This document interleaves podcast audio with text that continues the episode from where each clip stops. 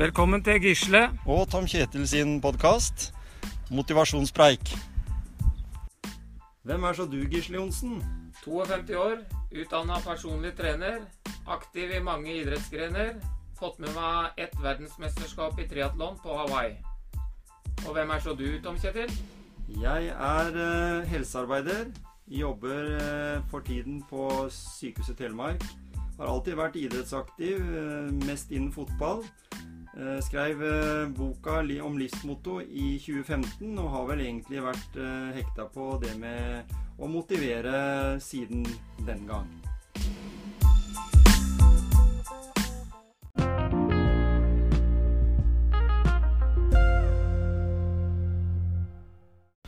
Ja, Gisle. Nå er vi på vei til Mariann Deila, Bryn. Her i Storgata i Porsgrunn. Ja. Og vi har jo litt sånn eh, vært Altså, vi har hatt en løpsøvelse nå ute på Heistad. Og vi har jo prata litt om den med hva vi har lyst til å vite litt mer om. Ja, vi lurer jo litt på hva hun driver med, da. Mm. Hun er jo veldig busy da med det òg. Ja. Med det vi kjenner henne mest for eh, gjennom noen år, det er vel den treningsbiten å trene andre. Mhm. Men- Fysisk, ja. Fysisk, ja. Ja. Og nå har han vel gått mer inn på det mentale også. Mm. Så hun driver med begge deler, Ja. har jeg skjønt. Mm. Litt interessant å vite liksom, hva er det som er best, best business, sånn sett òg. For vi er jo også litt opptatt av det at uh, en, en, om en kan leve av det å motivere andre gjennom coaching eller, eller gjennom det å ha timer på det mentale planet òg. Mm. Jeg tipper at man, man bør ha en robust eh, utdannelse for å, for å få kunder eh, Mm. når det handler om den mentale biten. Mm. Altså Tror du CV-en har mye å si? At man har en god CV på det? Jeg tror at en god CV har mye å si. Mm. For uh, hvorfor skal vi velge Mariann Deila og ikke noen av de andre som driver kanskje med det samme, da? Mm. At hun kan ha vært flink til å bygge opp et eget eh, nettverk også. At hun, siden hun holder jo da treningsturer og, og, og, og grupper eh, som, som på en måte er en sånn litt nisje, fordi hun gjør det jo dette her utenfor eh, treningssenteret. Hun er hjemme i, hjemme i garasjen sin, eller hun gjør det på parkeringsplassen for Rema 1000 og sånne ting. For eh, Rema 1000-ansatte, så hun må jo ha fått en fot innenfor en del bedrifter òg. Jeg tror nok det at det hun har gjort opp gjennom tida Mm. og fram til nå, har eh, hatt betydning for, eh, for at hun kan drive for seg sjøl på den måten, da. Mm. At det, hun er, kall det populær, da. Ja, nemlig. Så da får vi se åssen det går. Vi kommer inn på de temaene som vi nå har snakka om. Mm. Vi har i hvert fall en, Vår ambisjon er å få det til. Ja. Og spre det glade budskap om, om at det fins.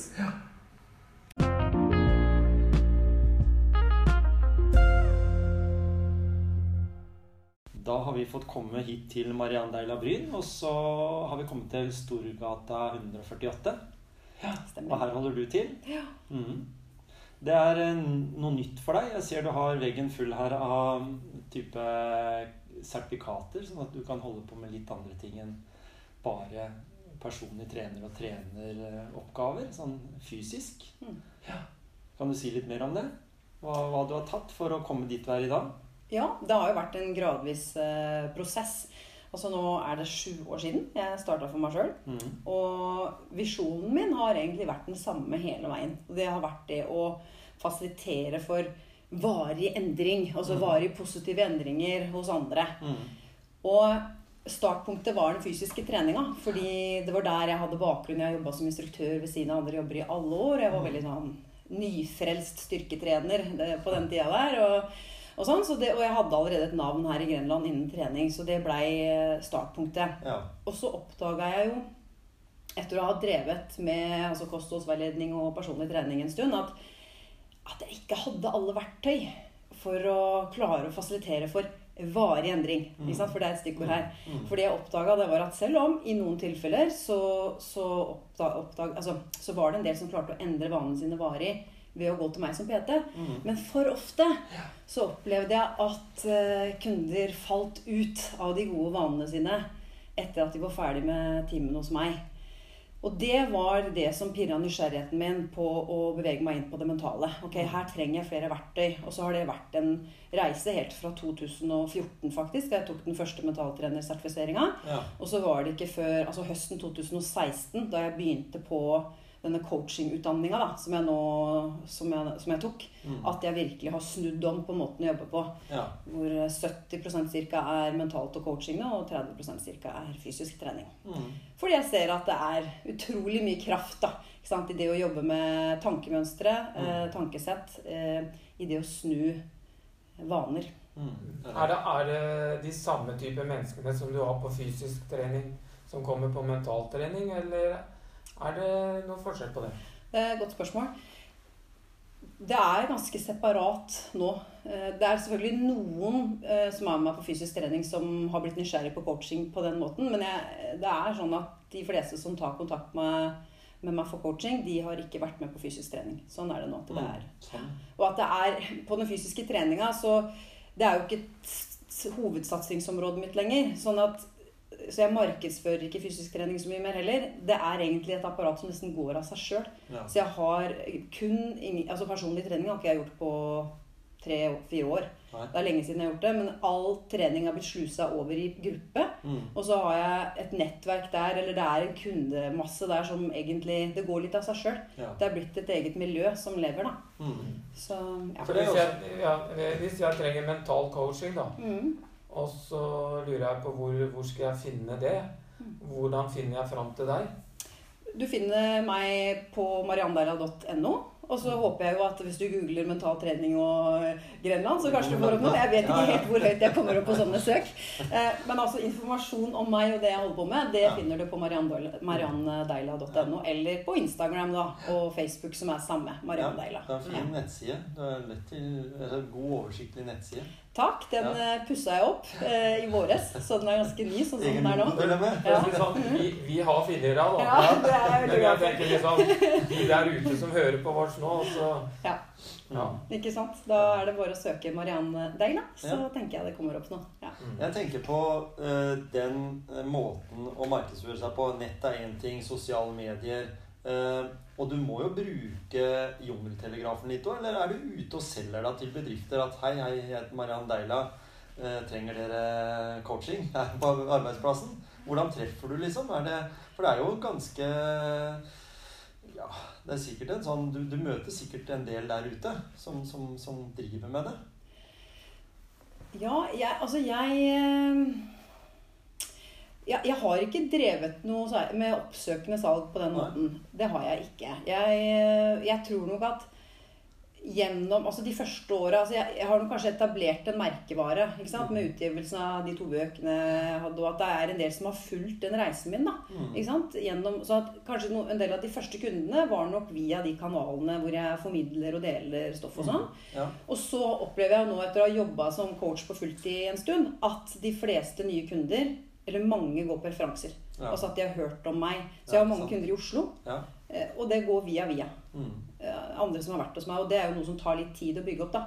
Så har jo jeg vært heldig sånn at jeg har jo ikke en dag stått opp og sagt at nå skal jeg bare drive med coaching. Jeg har jo gjort dette her som en sånn gradvis innfasing. Sånn at jeg har hatt flere bein å stå på. Mm. Sånn at jeg har hatt fysisk trening, så jeg har gradvis flytta det over. Mm. Sånn at eh, det har vært eh, en sunn økonomi i det. da. Mm. Og så bygd stein på stein. Ja. Så de som tar kontakt med meg, det er, det er ikke, Jeg retter meg ikke mot bedrifter. Det er privatpersoner. Mange Ja. ledere. Mm. Som for så vidt eh, også en del som får det dekt av jobben. Mm. Og så er det, Men som har funnet meg på andre vis, da. Ja. Eh, og så ta kontakt direkte. Vi snakka om det, Tom Kjetil og jeg, litt tidligere i dag. At eh, det er jo en grunn til at, eh, at noen velger deg. Fordi, fordi du har en god bakgrunn, da. Mm. For du har, jo, du har jo hatt et variert arbeidsliv. Ja. Du har vært journalist. Mm. Du jobba i politiet. Mm. Du har hatt liksom en del sånne veier og vært innom, så, så du kan jo vel så mye på en måte skryte på deg at du har mye arbeidserfaring også, utover treningserfaring. Mm. Uh, og jeg tenker litt sånn uh, Og du er jo litt i den, i den bransjen du driver i, da.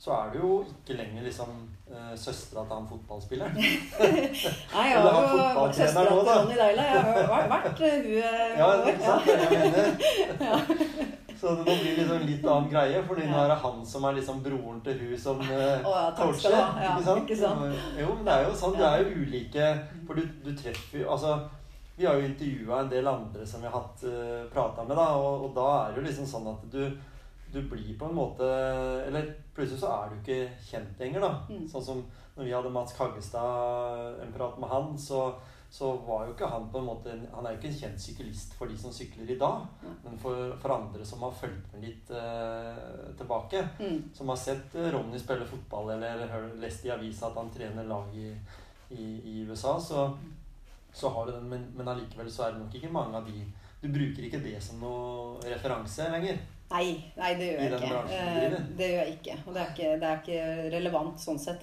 Så, så um, Men absolutt, jeg tror nok at, eh, at bakgrunnen min som, som journalist og statsviter da, så, Mm. så er um, en, noe som hvis du først går inn og leser på sida mi og kanskje sjekker bakgrunn og sånn, så er det nok uh, noe som kan uh, spille inn, da. Mm. Ja. For, for det er vel en helhet i det, antagelig. Mm. Når uh, folk velger å kontakte meg. Mm. Så, men jeg har alltid også en sånn Jeg er veldig opptatt av det at når en ny kunde tar kontakt, at vi har alltid en sånn helt uforpliktende samtale først. Mm.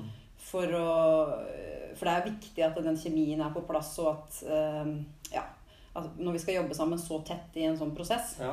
som, eh, som jeg også tenker er veldig viktig, da. Mm. Men uh, hvis, uh, hvis jeg skulle begynt å jobbe med deg, da, Mm. hva er resultatet i andre enden? Hva vil jeg oppnå med å, å være hos deg? Kommer an på hva som er målet ditt, da. Ja? Eh, Men altså, det sånn typisk kunde jeg har, er Det er eh, ofte liksom ambisiøse, pliktoppfyllende, arbeidsomme mennesker som vil mye, og som kanskje vil litt for mye, og som sliter eh, Eller strever litt med balansen. ikke sant? Det kan være sånn De har mer indre uro enn de ønsker. ikke sant? Mer eh, stress. Mer Altså at de strekker strikken sin for langt. ikke sant? Det kan være at de enten har gått litt over, at det er litt over utbrenthet, eller Mm. at de driver og balanserer. Det kan være det. Eller så kan det eh, også være det at eh, de ikke klarer helt å ta vare på helsa si. At de hele tida liksom Nei, men jeg skal jo begynne å ta vare på meg sjøl. Jeg skal jo begynne å trene, og jeg skal jo begynne å Men det er alltid noe som kommer i veien. Mm. Så, så det er jo det å jobbe med Altså, det er, ikke, det er liksom ikke tradisjonell prestasjonscoaching. Eh, vi kaller det for utviklingscoaching. Dvs. Si at vi jobber, jobber litt dypere Mm. enn å bare Du kunne komme til meg så kunne jeg sagt sånn Ja, du jobber som leder, ja. ja. Nå skal jeg hjelpe deg å prioritere bedre. Og så skal vi gå gjennom verdiene dine. Og vi kunne jobba sånn. Det jeg opplever, er at det kan ofte bli litt overfladisk. ikke sant? Fordi at det handler om at den enkelte personen må forstå hvordan er det jeg egentlig saboterer meg sjøl. Mm. Altså hvilke underliggende drivere er det som gjør at jeg får så dårlig samvittighet når jeg skal si nei til noen, at jeg klarer ikke å gjøre det, som blir til at jeg bare gjør det sjøl. Mm. Og som gjør at jeg sitter og jobber utover kvelden. Eh? Hva er den følelsen? Hva slags meningsdannelse eller tanker er det som driver den følelsen? Få den bevisstgjøringa. Og så Mm. selvfølgelig da bygge bro til å komme dit. Hvordan kan jeg få mer ro? Mer trygghet. Mer eh, altså de følelsene som får meg til å handle mer i tråd med den jeg egentlig ønsker å være. Ja. Eller eh, Ja. Så, så um, en prosess er jo da at vi jobber med nettopp med å definere hva er problemet ditt. Mm. I hvilke konkrete situasjoner og kontekster trenger du å handle og tenke annerledes for å få mer av det du vil ha. Og så er det å skape bevisstgjøring på hvordan jeg saboterer meg sjøl, og så bygge bro. Og da er endringsarbeid er verktøybasert arbeid, da. Så Ja, for, det, ja, for når du sier det der med verktøy, ja, for, Mm. for det er en formel bak den utdannelsen du har tatt. Altså det er en sånn eh, For vi var litt opptatt av det vi har vært ute og løpt eh, i dag. Ja. og så underveis, da, det var sånn pause, jogginga tilbake igjen, med litt sånn intervallopplegg, Mm. så, så prata vi litt om det der med at det må jo være en, en, en, eh, et resultat av en forskning som sier at dette her er en formel som funker. Ja, Tenker jeg. eller i hvert fall en fagtradisjon. Ja. Eller det bygger den, den, rett, den fagretning, eller coaching-psykologien, den Ja. bygger på kognitiv, metakognitiv psykologi. Mm. Den springer ut fra det. Så, og hva er det det betyr? Jo, det betyr jo at altså, det vi tenker, påvirker det vi føler. Mm. Og så ikke bare det, men vi tenker og føler også om det vi tenker og føler. Mm. Og så tenker vi og føler om det vi tenker og føler. Mm. I lag på lag på lag. ikke sant? Og det er jo meta, da. Men altså, sånn at det som er at Veldig ofte så vet vi jo hva vi trenger å gjøre. Det er ikke det som er problemet. Problemet er at vi ikke får det til i praksis. Mm. Så selv om jeg kan tenke at ja, men jeg vet jo at det er veldig lurt å sette mer grenser, eller veldig lurt å delegere mer på jobben min, Mm. Så er det noe at kanskje i handlingsøyeblikket så klarer jeg ikke å gjøre det. For det er den der følelsen som, som tar meg. da, Av føl en eller annen motstand eller uro eller et eller annet som gjør at jeg ikke klarer å gjøre det in the heat of the moment. Så, og da er det jo verktøy og liksom, konkrete verktøy for hvordan man kan øve altså, Det er jo ikke jeg som coach som gjør jobben. Jeg er jo bare en tilrettelegger.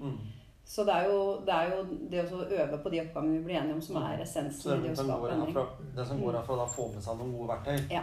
og så, opp, og så opp, følger du opp det, og så Mm. på en måte gjør det at den får den rette føringa. Så, så i utgangspunktet så er det liksom fra du kommer hit, da, har en, en, en fin prat, en Mm. finner den rette kjemien, den personen øh, føler at dette her er noe for meg. Eh, da begynner eh, Mariann sitt takstameter å gå, eller er det så, er det ikke sånn? For du må Ja, ha noe å leve snakker, vi snakker jo på telefonen først, ja. Ja, ja, så, så betaler de for en prosess. Ja. Eh, eller jeg vil ikke si det, de investerer. De investerer. Mm. i en, en prosess som går over tre til seks måneder. Mm. Og mm, hvor det er ja, syv samtaler på 90 minutter hver gang. Og så får de tilgang til en nettportal, en kursportal på min Mm. Nettside der det ligger en del leksjoner. Mm. Så får de et informasjonsskriv som de skal lese gjennom. altså Hele den rammesettinga før vi begynner er veldig viktig. Altså Ja. Det at de forstår hva det dette her handler om. Hva er det vi egentlig skal jobbe med. Vi skal jobbe med tankemønstrene. Mm. Det som ligger under og bak. Sant? Eh, vi skal ikke skrape bare i overflaten. Eh, og, og så gjør de, så svarer de på en del spørsmål, og så begynner vi, og så får de har du denne kursportalen underveis som en støtte. ikke sant? Så hvis vi har gått gjennom eh, tema, noe tema i, i samtalen vår, så, så sender jeg de en hjemmelekse. Det kan være visualiseringsoppgaver. Eh, og også gjerne artikkelstoff som underbygger det vi har snakka om. ikke sant? Så at det er en hel, det er en prosess. Det er ikke sånn at jeg selger timer. Nei, For det er ikke hensiktsmessig. Coaching eller endring det skjer ikke på en time. Det tar tid. Jeg tenker da, når, når du da har vært en sånn type coach for et fotballag borte i USA Mm. Fotball som er en sånn for så vidt ny eh, idrett i USA da, i forhold til mange andre land, eh, så er eh, coaching definitivt ikke noe nytt på det kontinentet eller, eller i, i, i de store byene. Ja.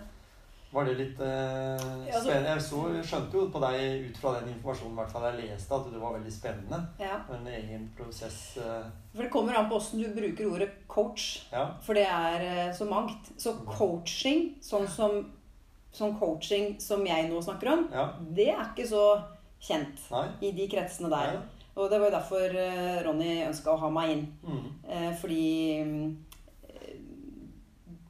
Altså USA, eller også, og det som er egentlig ikke bare i USA, men som man så i Skottland òg, det, det, er- veldig hierarkiske kulturer. Mm. Ikke sant? Hvor det er en sjef på toppen som bestemmer og instruerer og sier at sånn skal det være, og at det er litt det de er vant med. Ja. Mens en coachende tilnærming, Mm. når du har en coachende lederstil, Mm. da er du jo mye mer på deltakelse, ikke sant? Og stille spørsmål istedenfor å instruere. Mm. Ikke sant? Og det, så dette her var helt nytt for disse her. Ja. Men, men deres tittel var jo coach. Jeg er co for at, Ja. Så at de bruker ordet coach sånn som vi bruker det som trener Mm. her i Norge, da. Mm. Så det var jo noe av det eh, For jeg holdt da et kurs for disse i sommer. Det var seks samlinger på tre timer hver gang. Mm. eh, Hver uke. Hvor hensikten var at de skulle lære å få en mer coachende tilnærming til fotballspillerne som de skal følge opp. Mm. Så da måtte jeg jo begynne med å definere hva er coaching. Hva er coaching ikke? Mm. Sånn, coaching er jo ikke å gi råd. Eller å eh, Det er ikke det samme som å være mentor. Det er ikke det samme som å være konsulent. Det er ikke det samme, ikke sant? Så det handler jo om å forstå den fasilitatorrollen og Mm. hvilket mindset som ligger inn i det å være coach. Mm. Og hvordan skal du da konkret kommunisere Mm. for å altså lede fotballspilleren til å Ja. finne svarene sine sjøl. Mm. Ikke sant? For å si 'nå må du ut og gjøre det der på fotballbanen', Mm. og så tar de ikke eierskap til det. Ikke sant? Og så, så det er det derre hvordan klare å ha en samtale hvor spilleren går ut og føler at 'åh, jeg er motivert', Mm. jeg føler mestring, jeg føler eierskap til det jeg skal gjøre Mm. for å bli en bedre fotballspiller. Og da, og da tenker jeg litt sånn Vi har jo eh, hatt eh, et tema som vi også kommer til å jobbe med videre i podkasten vår. Eh, noe som vi har valgt å kalle for Den gode hjelper. da. Eh, for vi tenker at mange idrettsfolk Vi har vært på Olympiatoppen og prata litt der og med de som, som på en måte har de største stjernene i Norge, eller i hvert fall delvis ansvar for de.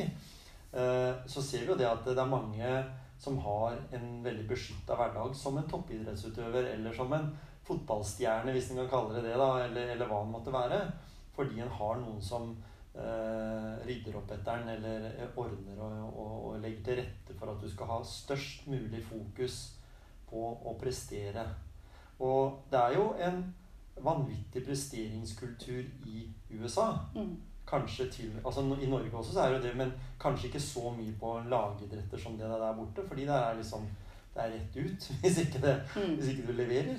Så det er jo Så, så det å være eh, trener, sånn som for Ronny, da, som være trener der borte Selv om det er heftig i Skottland, så er det kanskje enda mer høy puls å være en trener der borte i USA. Er det bare noe jeg antar, eller Mm. hva føler Ja, du? altså, både og. Eh, jeg tror at for Ronny så eh, har det opp, er det nok Skottland var tøffere på en annen måte. For det var så utrolig stort trøkk utafra. Ja. Ikke sant? Så i hvert fall for han som trener, så, så er det der du skal forholde deg til media, Mm. og hvordan Og du blir plaffa opp på førstesida med Rotten Ronny og jeg vet ikke Ja, hva. ja. ikke sant? Det var veldig mens i USA så er jo, som du sier, fotball er litt mindre kjent. Ja. Så jeg tror nok at han opplever at han, mange- at han kan jobbe mer med faget. Mm. Og at det er ikke så mange sånne forstyrrelser på samme måten på det på utsida. Og prestasjonskulturen, den er jo sterk. Mm. Uh, de, definitivt. Eh, samtidig så er jo denne klubben, da, New York City Football Club, Mm. ressurssterk. Mm. Sant? De har god økonomi. Og han har ganske sånn frie tøyler. Ja. Eh, sånn som det at han kunne leie inn, eh, leie inn eh, meg da, til å ha den samlinga. er ikke de sånn med Red Bull, eller? Uh, jo, det er mulig at de er inne på Ja, ja. men det er jo Manchester City som eier klubben. Mm. Eh, så, så sånn sett så mm, Når målet er å jobbe med utvikling og med Mm. fag og Ja, for å prestere, så er kanskje rammene enda bedre Ja. her. Mm. Han, men allikevel da så ser jeg jo det at de har gjort det ganske bra nå, så det må jo ha hatt noe å si, kanskje, den uh, coachingen eller den Å ja, ja, det er helt sikkert på grunn av det. Nei da. Jo, hvis du tenker at, eh, ja, hvis du tenker at det, det du har bidratt med, skal liksom omstille, da Ja. For det er jo sånn som, sånn som Gisle og jeg vil prate mye om det, og, han har jo eh, holdt på å si nå pusha meg til å være med i Kalmar eh, 2022 Mm. eh, i noe Ironman. Og jeg er jo sinnssykt dårlig på å svømme. Så, så da tenker jeg at eh, kanskje jeg burde coach, bli coacha litt, eller bli motivert litt til å finne den rette veien i forhold til svømming, da. For jeg tenker at jeg er jo kjempedårlig på det. La, meg- jeg, la meg bare få mate tilbake til det hva du akkurat sa. Ja. Jeg er jo sinnssykt dårlig på å svømme. ja, jeg synes Er det en overbevisning, Tom Altså Når han sier til meg Jo, nei, for skal vi ut og svømme, sier han til meg, så blir jeg jo Så kjenner jeg jeg får høyere puls.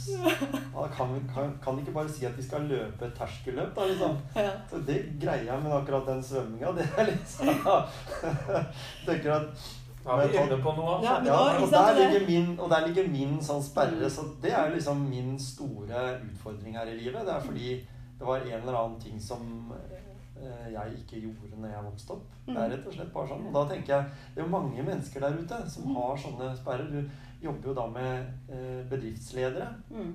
Noen har vært Jeg jobba innen salg sjøl. Jeg vet jo de som ble rekruttert fra salgsbransjen og de tar videre opp i systemet. Mm. For den dyktigste selgeren, han blei daglig leder. Mm. Eh, og så plutselig så sitter du da med Jeg har gjort det sjøl. Sitter med en arbeidsoppgave du definitivt ikke kan.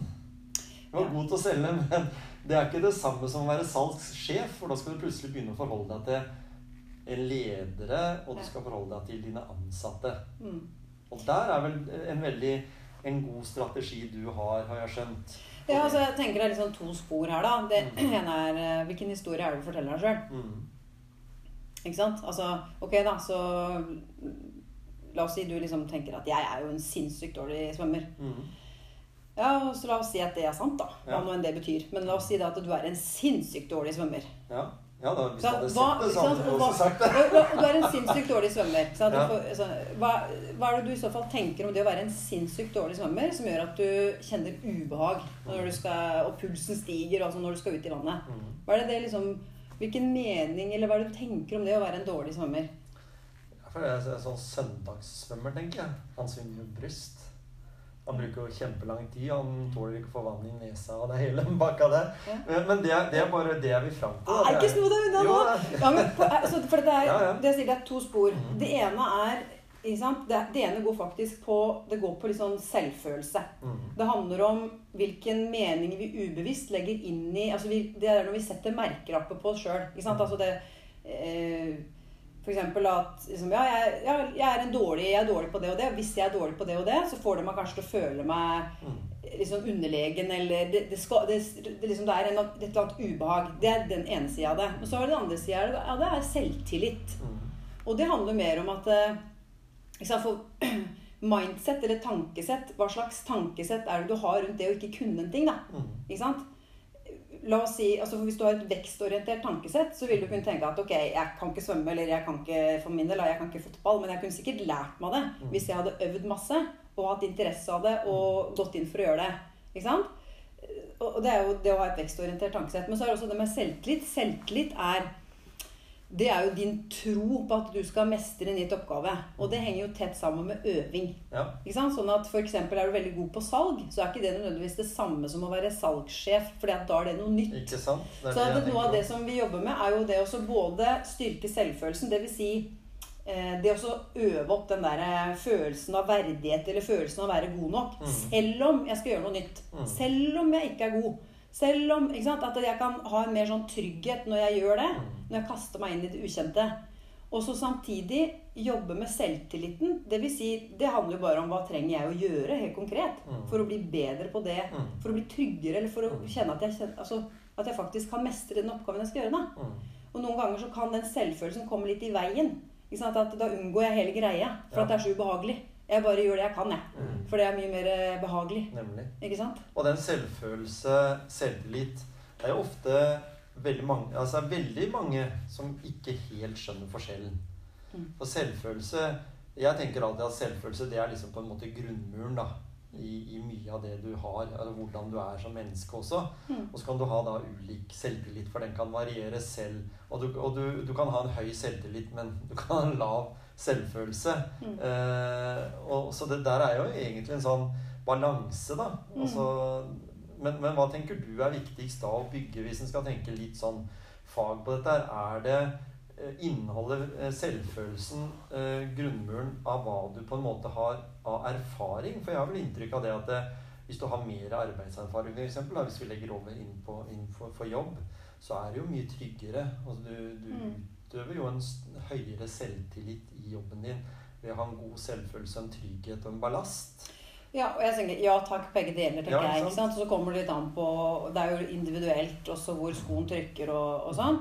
Så, og det som også er litt sånn misforstått ting ofte, er at liksom selvtillit og selvfølelse er helt sånn totalt separat fra hverandre. Og det er det jo egentlig ikke. Altså, selv, hvis jeg, sånn enkelt sagt, da, så liksom, hvis du skal skille det, så er liksom selvfølelsen det er ja, min følelse av verdighet, eller følelse av å være god nok, uavhengig av hvordan jeg presterer, eller hva andre mener, eller om jeg har lagt på meg eller ikke. ikke? Det er mer det der å liksom ha en sånn trygghet, og også det der å kunne eh, altså Tegn på sånn robust selvfølelse. Det er å kunne kjenne egne følelser og grenser og behov, Mm. og klare å uttrykke de. Ja. Dette liker jeg, dette liker jeg ikke.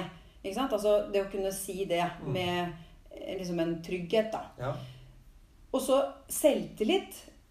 Det er jo altså Det å ha evner og bruke evnene sine er jo også med på å bygge selvfølelsen, for så vidt. Ikke? Ja. For det å bidra med verdi skaper også en følelse av verdi. Mm. Så begge deler er viktig.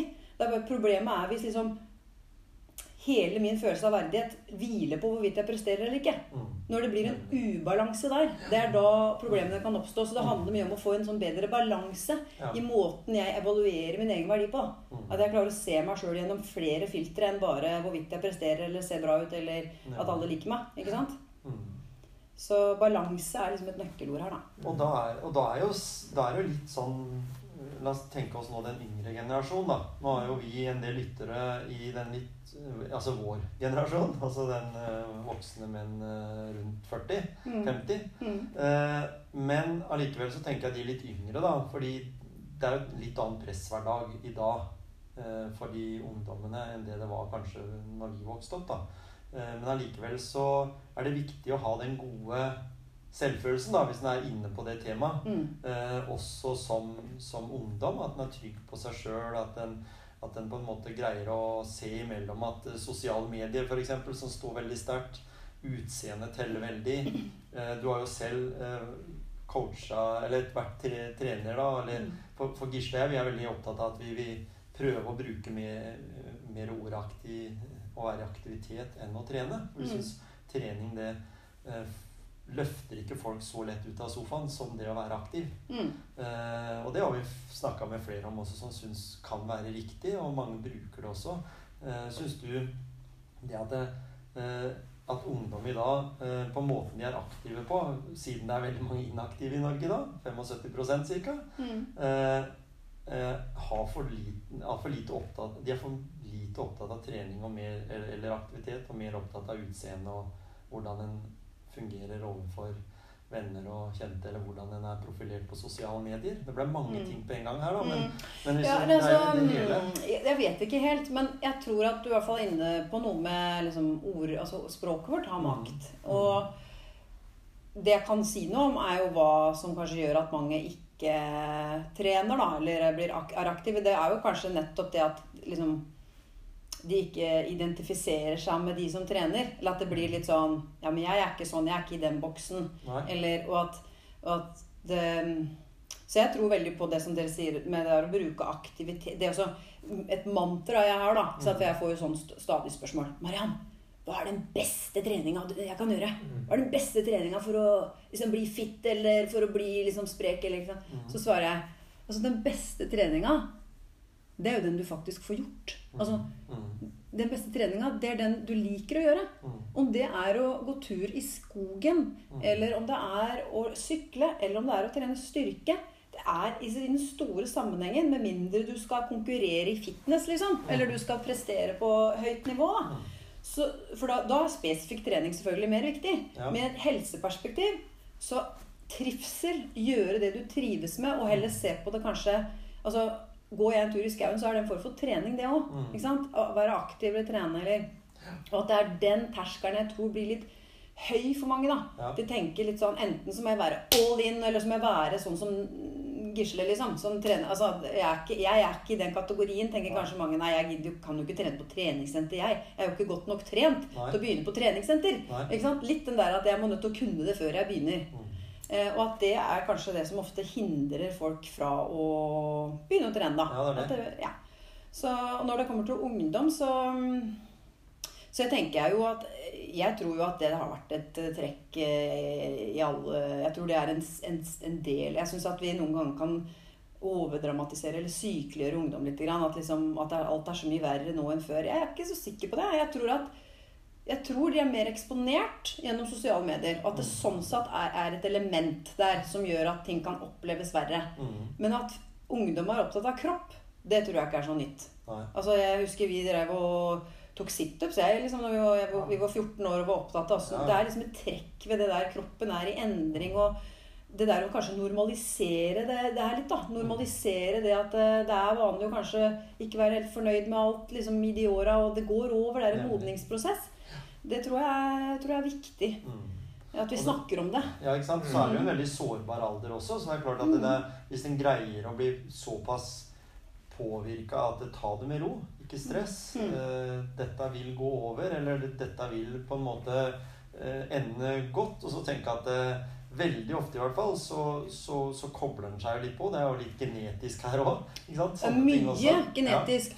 Og dette her er jo noe Altså det å Og det er jo en modning, det der å komme til et sted av altså jeg, For det første så tror jeg veldig på at vi som foreldre det at vi er nøye med å um, skape en aksept for ulike typer kropper. Mm. Ikke sant? At, også at vi går fram som gode forbilder på det. da. Og ikke minst at det også Det er jo det det ofte handler om. ikke sant? Komme til et sted av aksept. Sånn er jeg. Og så har jeg mine genetiske forutsetninger, Mm. og så kan jeg gjøre det beste ut av det. Ja. Om det er sånn at uh, noen kanskje har litt mer over rumpa, eller noen har litt mer over ikke sant? At det er visse ting, eller vi har en For det er, er jo rart med det. At uh, er, du, er, er du tynn, tynn, så vil du bli mer kraftig. Er du for kraftig, så vil du bli tynn. Altså At vi har et fokus veldig ofte på det vi ikke har. Nei, har jeg krøller, så vil jeg ha slett hår. Ja. Så hvor er fokuset? Ikke sant? Og det, også, og det tror jeg også er litt sånn modning eh, for mange. Det der å komme til en sånn erkjennelse av at dette er meg. Mm. Det er ok. Og så kan jeg gjøre det beste ut av det. Ja. Uten at jeg må slite meg i hjel, men ha liksom en balanse mellom trivsel og liksom trene litt og Ja, jeg vet ikke. Altså det er jo den der evige balansen, da, Mm. som ofte kan være utfordrende. Og så senke skuldrene litt ned Ja. også fra den yngre alder. Mm. For det blir nok av ting å møte på veien. Altså, opp mot voksenlivet og inn i voksenlivet. Og, Mm. og i eh, det å, å forsøke nye eh, veier å gå, sånn som du har gjort. da, Med å, Mm. med å, å prøve en del veier og, og ta med seg den erfaringa. For jeg tror også det at, eh, at en tar alltid med seg noe i sekken. Mm. Jeg jobber jo sjøl på sykehus og jobber jo stort sett gjennomsnittlig Den jeg jobber med, er eh, 7-28 år, nyutdanna sykepleier, eller i hvert fall forholdsvis nyutdanna. Og så med den ballasten de har i sekken. Mm. Eh, Mens jeg er over 50 liksom, med, med livserfaring og 12 år i helsevesenet og sånn, så, så, så tenker du på en annen måte. Ja. Det er jo alltid den der miksen av måte å tenke på. Jeg, jeg pleier alltid å si for det er mange nok som sier at ja, men vi må være sykepleiere her. Ja, men det blir som å ha et fotballag med bare keepere, sier jeg. Vi må nødt til å være flere på laget. Mm. Eh, og, og den sammenligninga er det veldig mange som tenker at ja, det er ikke så dumt tenkt. For det er jo sånn. Mm. Hvis ikke vi hadde hatt eh, vaskepersonale, så hadde vi måttet stengt sykehuset. Hvis ikke vi hadde hatt de som jobber på kjøkkenet der, så hadde jo ingen fått mat. Og hvis ikke vi hadde hatt meg der, så hadde ingen rydda senger og gitt uh, medisin. Altså sånn. Det er så mange, mange oppgaver, og sånn er det jo på alle alle arbeidsplasser, egentlig. Mm. Når du jobber sånn selvstendig her, så er jo du en del av et nettverk som gjør at uh, du påvirker dine kunder Mm. til å prestere bedre i en, i en arbeidshverdag. Og Gisle er jo mer motivator i sin, sin omgangskrets og sin, blant sine naboer og i den, øh, den aktiviteten han driver. da. Mm. Vi er jo alltid en påvirker Ja. i hver vår retning. Absolutt. Mm. Mm. Men, men hvem er din typiske kunde? Er det mann, Mm. dame? Mann, eh, kvinne, alder eh, Ja, altså, eh, alder, altså Hovedsjiktet er nok mellom eh, 35 og 50. Samtidig, altså, og jeg har, jeg har også hatt en del av de yngre. Også? Men det er ikke de som hovedsakelig altså Det er voksne um, voksne kvinner og menn. Mm. 35-50. Og så også, jeg syns også det er veldig gøy de gangene jeg har coacha yngre. da, For at de har ikke så lang De har ikke, de har ikke så den Bagasjen er ikke så stor. Nei, Så de har ikke liksom, kjørt rundt i de mønstrene i så mange år. Så jeg har jo hatt uh, coacha noen idrettsutøvere også som har vært i sånn 18-19-årsalderen. Ja. Veldig gøy å jobbe med, altså, for de tar det utrolig kjapt. Mm. Um, så um, Men satsingsområdet mitt ligger mer i den voksne befolkninga, da. Mm. Så, Per nå. og videre så er det jo det her du kommer til å holde på med og fortsette med, da. Hvem vet? Nei, hvem vet? Jeg- jeg- jeg- det er stadig Ja, hvem utvikling, vet? Jeg liker ikke å ta, tenke så langt Nei, nei. fram. Men det, er- det er stadig utvikling. Du, Ja, du har ja, ikke gitt deg ennå. Ja, Liksom. så, så jeg tror at jeg på en eller annen måte kommer til å jobbe med mennesker Mm. og, og utvikling i en eller annen form. Det er jeg ganske sikker på. Ja. Så fins det mange måter å gjøre det på. Og Mm. for meg så er det bare viktig at, så jeg, at jeg har det gøy, og at, jeg, at det er givende for meg det jeg driver med. Mm. For da er jeg på mitt beste. Så tar jeg sånn par år av gangen. Ja. Altså ett til to år av gangen. Så langt fram ser jeg, og så eh, får vi se, da, hva, hva framtida bringer. Så, det, så det øverste på Mariann Mm. Det er liksom det du på en måte brenner mest for. Det blir jo sånn. ja. Det er din på en måte CV som ligger der. Det er coaching og kurs. Så det blir mer kurssatsing framover. Mm. Jeg eh, er jo nå eh, på vei inn i et eh, samarbeid med Jeanette Sleveland i Mentalskolen. ja. Hun var min lærer på coachutdanninga, og mm, hun har vært i coachteam da, der som jeg tok min utdanning i eh, 14 år eller noe sånt. Skikkelig ringrev i bransjen. Fantastisk person, og veldig dyktig. Så, så hun og jeg skal samarbeide nå framover om eh, kurs, da. Og det er jo både kurs for folk flest, altså i selvledelse, og så er det coachingkurs for coacher. Altså mentoring og videreutvikling av coacher som har tatt eh, noe utdanning, men som har lyst til å bli bedre. ja. Mm. Så gjennom den utdanninga du har tatt, Ja. så har du jo kjent på din egen kropp og hode at, at det funker. Jeg ja. går ut ifra at du har utvikla deg sjøl. Ja, ja. Og det er et Sånn krav du er faktisk at det må Du gjennom er, alt du er en fasit for det du driver med.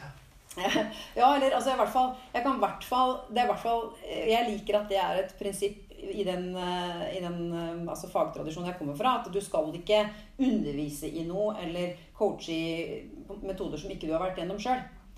Og det mm, Så, så jeg, og det, jeg brenner jo veldig for Jeg har veldig troa på denne her måten å jobbe på. Ja. Og både gjennom at jeg sjøl har erfart endringer, men også selvfølgelig at jeg ser det, da. I, Og så har du testa det ut på nettverket ditt rundt deg òg, eller? Sånn som mannen din, f.eks. Har han liksom vært sånn han, han, blir, eh, han blir coacha uten at han skjønner det. Ja, ja, ja. Det kommer, det kommer sånn sakte inn huden uten å Så du kan ikke stritte imot engang. Ja, men Bjarne sier faktisk det at han har lært veldig mye. Mm. Eh, for vi, gjennom våre samtaler og at han har utvikla seg som leder Ja. gjennom, eh, ja, gjennom våre samtaler. Da. Jeg har jo ikke coacha han, ikke, ikke sånn formelt.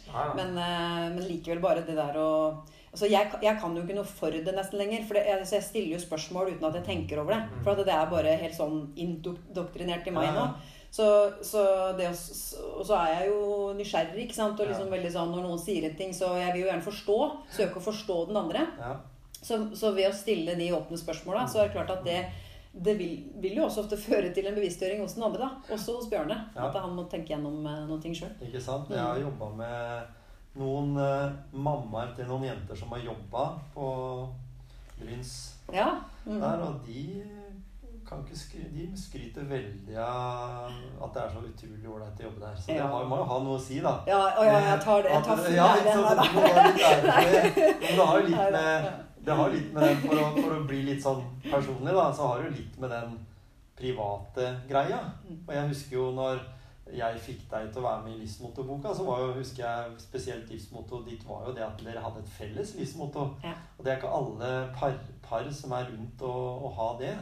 Ja, det, er jo som du sier, eh, og på sykehuset så er det jo sånn i heimen òg, at vi er jo et eh, lag. Ja, Der eh, vi spiller hverandre gode, og Mm. hvor vi er avhengige av hverandre. da. Det, mm, så det er jeg kjempetakknemlig for. og den lagfølelsen er viktig å ta med seg i mange parforhold, for det tror jeg kanskje kan være Hvis den ikke er et godt lag, så er det også lettere å ikke holde lagfølelsen på plass. da. Mm. Når vi ser hvordan familier splittes opp og, og sånt noe, så, Mm. så kan det kanskje være at en må på en måte både er å si, svelge noen kameler, men også i hvert fall være litt sånn og jenke seg litt etter hverandre. For vi er jo ikke, vi er ikke trøkt av den samme tuba. Nei, vi er er ikke det. det. Så, og, og et godt sted å starte Ja. er jo å begynne å lytte. Ikke sant? Det også, og det, det liksom kan høres så enkelt ut å lytte, og så er det jo egentlig ikke så enkelt Nei. nødvendigvis. Det altså å lytte sant, hvor er det du kommer fra når Mm. du sier det du sier. Mm. Og at jeg evner å liksom, prøver å sette meg inn i hvor kommer du fra når du sier det, istedenfor Mm. å bare bruke mitt mentale kart, da, mitt, Mm. min måte å se ting på, Ja. og så bare se det på den måten Ja. når du legger fram en ting. Det er jo da det ofte kan bli gnisninger. Mm. Men hvis jeg liksom søker å forstå hva det er du prøver å formidle, og leiter også etter en god intensjon bak det du sier, Mm. så er det jo lettere da å, å forstå og liksom komme fram til noe Og sånn har jo Gisle. sammen. Vi har jo snakka mye om det her, Gisle. Vi er jo vokst opp i en generasjon som hadde kanskje ikke så mye til stede av fedrene våre, da. Fordi de, de var jobba mye, og mammaene kunne være hjemmeværende og sånn. Vi må jo snakke om at det, dette her med hva du har lært hva har jeg med i kofferten min? Eh, hva er det som gjør at jeg er god på noe, men jeg er kjempedårlig på noe annet? Mm. Eh, så, så hvis en også i, i forhold, tenker jeg, tenker at ja, men han der, han, han har en sånn kunstnerholdning til økonomi, for han har noen bokstaver, eller han er litt sånn Ja. Setter merkelapper Ja, på hverandre. sånn, jo, ikke sant? veldig- ja. Men likevel sånn jeg tenker at eh, Ja vel, så la han få lov å slippe å ha ansvar for det, da. Men han er så sinnssykt god på mye annet, tenker jeg da. Mm. Og, og det er kanskje den eh, Vanskelig å få den aksepten, for den skal være så forbaska flink på alt. Mm. Eller han skal liksom være sånn at du skal treffe en kjæreste og så Han er helt rå på eh, økonomi, og han er helt sinnssyk på det med salg. Han er helt brutal på å jobbe hjemme, og han er flink med hammeren. Alt det, og den, den greia der, den er jo ikke så reell, tenker jeg, da. Tenker bare at den, det er en sånn drømmescenario. Ja, altså, altså, jeg tenker at eh, Ja, jeg tror det er viktig at vi alle har en bevissthet på det i møte med andre hvis vi er ledere også. At ikke at, altså, Nettopp det at vi har ulike styrker. Ja. Og så tenker jeg i tillegg at det er utrolig viktig hvordan du sjøl tenker om deg sjøl. Mm. Ikke sant? Det at Ok, jeg trenger ikke å være flink på alt. Ikke sant? For det er jo ofte der problemene kanskje starter. Det at Ja. jeg, jeg tenker om meg sjøl at jeg bør være flink på alt. Mm. Og så antar jeg at andre forventer at jeg også skal være flink på alt. Mm. Og så er det det jeg leser ut av omgivelsene mine. Mm. Og ja, når sjefen min så på meg på den måten, så betyr jo det at han ikke syns jeg er flink. Så det å faktisk få et avklart forhold Altså det å begynne med seg sjøl på det, Ja. det kan være ganske lurt. Mm. For det er sånn Ok, hva er styrkene mine? Mm. Eh, Hva er det jeg er flink på? Hva er det jeg ikke er så flink på? Trenger jeg å være flink på det? Mm. Ikke sant? Altså hva eh, det, det er, Og da er det også lettere å være tydelig, ikke Mm. sant? I å sitte da kanskje i en setting at eh, Og si det at eh, ja, jeg syns ikke den oppgaven passer så godt til meg, men kanskje til han isteden. Eller i mitt interessefelt er her. Og, stå, og si det med en tydelighet og trygghet. Som også gjør det lettere for de rundt òg. Ja, ja, ok, liksom. Ikke sant? For forventninger, det er et sånt nøkkelord. Det at vi Antatte forventninger til det vi tenker. Vi tror at vi må liksom være det ene eller andre. Så, det er jo lettere for andre å forholde til deg, sa til deg hvis du er tydelig. det er jo det. ikke sant? Istedenfor å gå rundt øh, og ikke si ifra, og Mm. så blir det helt, helt feil oppfattelser. Ikke sant? Og her kommer vi litt inn på selvfølelse igjen. da. Sant? Mm. Det der med at liksom, Ok, jeg er nok. Selv om ikke jeg er god på de og de områdene, så er jeg nok. Ja. Eh, og dette er mine behov, eller dette er det jeg kjenner nå, og så Mm. sier jeg det. Mm. Sant? Det, ikke sant? At det der det å um, opparbeide mer den tryggheten, da, det kan det være stor gevinst i. da. Ja. Jeg tror nok det er mange som kunne ha godt av å komme til deg, da, for å si det sånn. Ja. Altså, jeg tenker jo at det jeg og mange andre coacher driver med også, det, det er jo altså, altså, selvledelse og verktøy for det. Ja. Det er noe alle hadde hatt bruk for. Ja. Altså, det, det burde vært i, altså, Nå får du det litt inn i skolen. da. Jeg vet ikke akkurat hvordan de har tenkt eller hvordan det er lagt opp det faget. Nei. Men det, det her er jo livsmestring, Mm. tenker jeg. Mm. Fordi vi mennesker er så like. Og jeg, I fjor så var jeg jo mye rundt i altså Jeg var på Bali i tre uker. Og var, på Sydney, jeg var i Sydney i, i to uker. øh, Og møtte mennesker fra hele verden. Og vi sitter i Det er jo coachingmiljø. Men det er så fascinerende ikke sant, at liksom eh, John, Johnny fra Indonesia og, og um, Maya fra Hongkong ikke sant, At vi sliter med de samme tinga. Ja. At vi er redd for ikke å være gode nok. Mm. Er, vi er redd for ikke, ikke være gode nok, vi er redd for ikke å passe inn. Mm. Vi er redd for ikke å ha kontroll på framtida. Det er liksom de tre universelle fryktene som går igjen. Ikke være god nok, det å ikke tilhøre, altså det å bli forlatt, eller det å ikke ha kontroll. Mm. Og at det er så universelt i oss mennesker. da. Mm. Så um, jeg tror det temaet, da det, ah, Drømmen hadde jo vært at dette her hadde liksom kommet mer inn på agendaen Ja. i skolen. og... For det er jo dumt å gå et helt liv og så ikke finne seg sjøl, på en måte. Ikke sant? Og at det skal ikke alltid så mye til engang. Ikke sant? Altså det, eller det kan være noen aha-opplevelser eller grep ikke sant, som kan gjøre eh, det lettere, da. Ja, og der, der tror jeg, som Kjetil var inne på noe, hvis vi skal ta ungdommen, da Hadde han hatt noen tidligere, og det den gikk og lurte på og grubla på, er det sånn eller sånn den fikk noe input tidligere, så kunne det sikkert vært mye lettere for mange Mm. Mm, eh, i voksen alder også. absolutt. Og, og når du nevner det med skolen, livsmestringsfaget da, som nå kommer inn i skolen Mm. eh, har, du, har du sett noe på det? Hva det inneholder? Hvem det er som skal gjøre det? For hvis en tenker at Jeg sier alltid at norsk skole er på 50-tallet på mange områder. Eh, og da vil jo en sånn type, et sånn type fag være litt sånn far out for en del av de lærerressursene. Ja, så det må jo inn i lærer... Men det kommer jo sikkert inn i Ja, jeg vil jo tro Nå har at du ekstra utdanning, nå tar Ja. du, må du gå Og- noen ekstra år også for å bli Mm. lærer.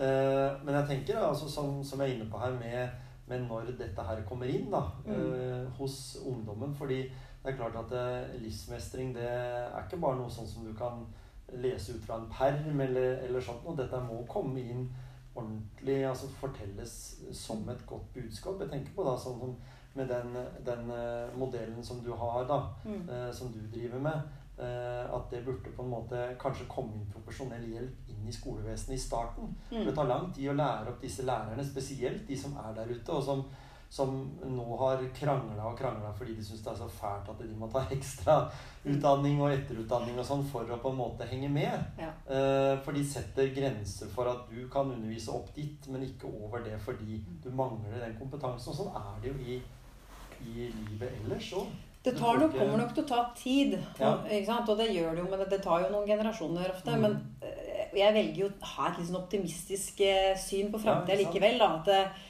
det, eh, nå vei- liksom hele tida utdannes eh, lærere i en yngre generasjon som også har vokst opp med foreldre Mm. som, hvor det har vært mer bevisst foreldreskap, er mitt inntrykk, enn da vi vokste opp. Ja, Ikke sant? Litt sånn barna 70-80-tallet. Vi bare Ja, vi slenger ungen i baksetet uten uh, sikkerhetsbelte, og så sitter vi foran og røyker. Og så får de klare seg sjæl. Ja. Altså, litt satt på spissen, da. Men det var jo litt annerledes. Det, det var jo ikke noe sånn liksom eh, Så vanlig å trøste barn, eller ikke sant. For, altså, fordi altså, selvfølelse som tematikk, det, det var jo ikke Nei. Tenk så mye som har endra seg bare på de siste 30 åra.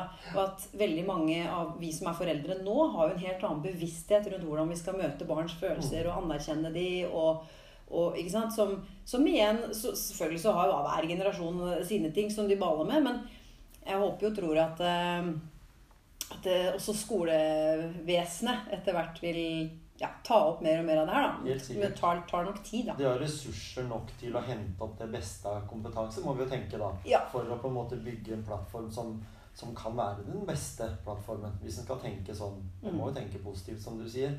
Sånn avslutningsvis, jeg har lyst til å spørre eh, Driver jo i en bransje der du får folk til å komme til deg, og du oppsøker andre også. Og du sier også at du skal jobbe en del mer med kursing. Eh, og så har vi vært inne i Kan du ikke unngå å fortelle eller snakke litt om koronatida vi har vært i, da? Mm. Eh, fordi der har det vært mange som sier at det, åh, så deilig det har vært at vi egentlig har kommet i koronatid. For jeg har måttet tenke helt annerledes. Du har Mm. fått andre fokusområder. Eh, hva tenker du om din bransje i forhold til det? Har, dere, har du merka noe? At det, at det er eh, Er det noen bedrifter som er litt mer sparsommelige, eller må du ta det litt lengre tid? Eller, Mm. eller er det sånn at folk trenger nå eh, coaching for å på en måte motivere seg i hverdagen? da? Mm. tenker vi, For vi jobber jo med det der motiveringa i hverdagen. Jeg, jeg tror at eh, altså De økonomiske langtidsvirkningene tror jeg ikke vi ser helt ennå. eh, på Nei. samme måte, Men sånn, de umiddelbare endringene for meg, det var jo bare at jeg altså, Jeg skulle jo reist på treningsreise Mhm. eh, eh, tre dager etter at Norge ble stengt ned. Ja. Så det var sånn Månedsomsetning bare borte. Eh, alt arbeidet de siste to ukene borte. Eh, oi, jeg kan ikke ha fysiske treninger til uka. Jeg? Altså, så de første to ukene, da, kunne, altså, det var veldig stress. Og jeg ble nesten bare provosert av å gå inn på Facebook og lese om sånne Å, jeg syns koronatid er hyggelig, for nå får vi vært ute i skogen med Ja, ja. våre. Altså, sant? Jeg skjønner at For noen så var det jo sånn, men for, for Bjarne og jeg som driver for oss sjøl, så var det jo et himla stress. Og så var det en læring, det òg. Ja. Ikke sant? Altså det der liksom, Det var jo virkelig sånn Å ja, ok. Jeg måtte justere forventningene mine til meg sjøl. Det blei en litt sånn Ja, der måtte jeg bruke mine egne verktøy. ikke sant? At liksom det å akseptere sånn er situasjonen. Hvordan kan jeg justere hverdagen min så jeg får det bedre og ikke er så sinnssykt stressa. Og summa summarum så vil jeg si at det absolutt har kommet masse godt ut av den tida. Mm. Eh, Jeg la jo om all trening over til nett. Ja. Og så Ja, jeg også tapte en del penger, men jeg klarte meg. Det var ikke Jeg hadde flere bein å stå på, og, det liksom, og da fikk jeg tatt inn litt ekstra kunder. Altså, vi hadde, har mye på Zoom. Det gikk fint. ja. Og det, det oppdraget med New York City Football Club Mm. Jeg hadde jo ikke fått det hvis ikke det var for korona. Nei. De hadde ikke tenkt på muligheten sånn. engang. Det hadde ikke vært noe alternativ. nei. Men da var de allerede så vant med å bruke Zoom. Og så var det sånn, så hadde de masse ledig tid. Hva skal vi bruke all den ledige tida til når ikke vi kan møtes og spille fotball? Ja. Og der kom det Mm. eh, oppdraget. Mm. Så jeg, men sånn for å svare mer på spørsmålet om liksom altså jeg tenker, For min del så har ikke jeg merka eh, så stor endring. Um, og annet enn at ok, selvfølgelig så har det blitt litt tematikk i noen av coachingene, men liksom at nå står jeg i motgang, åssen skal jeg håndtere det? Mm. Og så blir det spennende å se mer på lang sikt, da. Ja. Om, eh, for det, det lurer jeg litt på, da. Hvordan ser egentlig økonomien ut om et år fra nå? Eh, Jeg velger ja, for vi vet jo ikke helt Vi må jo tenke positivt at dette her er noe som eh, vi greier å leve med. Fordi det er ikke sånn at det plutselig så er koronaviruset borte. Nei. Eh, Det vil komme og gå, akkurat som, som andre type virus eller andre ting. Influensaen og alt dette. Ikke sant? Men, men allikevel så har jo Du kommer med antibac når vi kommer ikke sant? Ja. Du bruker Ja, antibac ja. sjøl, og alle Så bruker vi gjør det, så det jo og, så blir det noen vaner som vi tillegger oss. Og så Mm. det blir en øvelse, eller i hvert fall har vært det for meg, i å Mm. ta én måned av gangen. Ja. Så nå har vi kommet til hva er det, september. Vanligvis så er jeg hele neste år, liksom, i hvert fall neste halv, første halvår booka. Mm. Nå er 2021 fortsatt litt åpent. ja. Og det er litt nytt. Så det blir en øvelse i å, det å ta litt mer ting som de Mm. kommer, og ha tillit til at det ordner seg. ja. Og um, for min del òg så har det absolutt ført til at jeg har begynt å tenke på litt nye måter. Og Mm. det at jeg nå inngår samarbeid med, med Jeanette, det, har nok, altså, det hadde nok skjedd uansett. Men det er også litt sånn fordi at jeg ser nå at ok, jeg kan kanskje ikke drive med fysisk trening etter høstferien, for jeg får ikke leid noe gymsal. Nei, ja. Ja, men da må jeg tenke annerledes. Ok, Ja. Hva kan jeg gjøre isteden? Da må jeg kanskje utvikle noe på nett. Altså, Ja. det, det tvinger fram nye løsninger. Ja, Så, og så er det jo litt uforutsigbarhet. da. Jeg så på nettet at uh, det var noen kurs du skulle ha i Sandvika. ja, Og der er jo litt med forbehold, ikke sant? for det Mm. kan jo endre seg med antall. eh, vi har allerede bytta lokale. Vi har allerede bytta lokale. Camp Deila Rauland valgte vi å ut, uh, avlyse. Mm. Eller utsette, har vi kalt det da. Vi har utsatt det. Og det var jo sånn avgjørelse vi tok eh, liksom et par uker før. ikke sant? Det var jo 30 påmeldt. og... Mm. Samtidig så Jeg vet ikke. Det var den første smellen som jeg syntes var verst. Ja. Ja. Altså, jeg jeg syns den var verst. Mm. Det var, jeg syns det var tøft. Mm.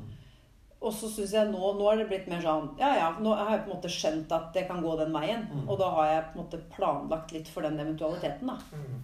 Og så finne noen nye verktøy.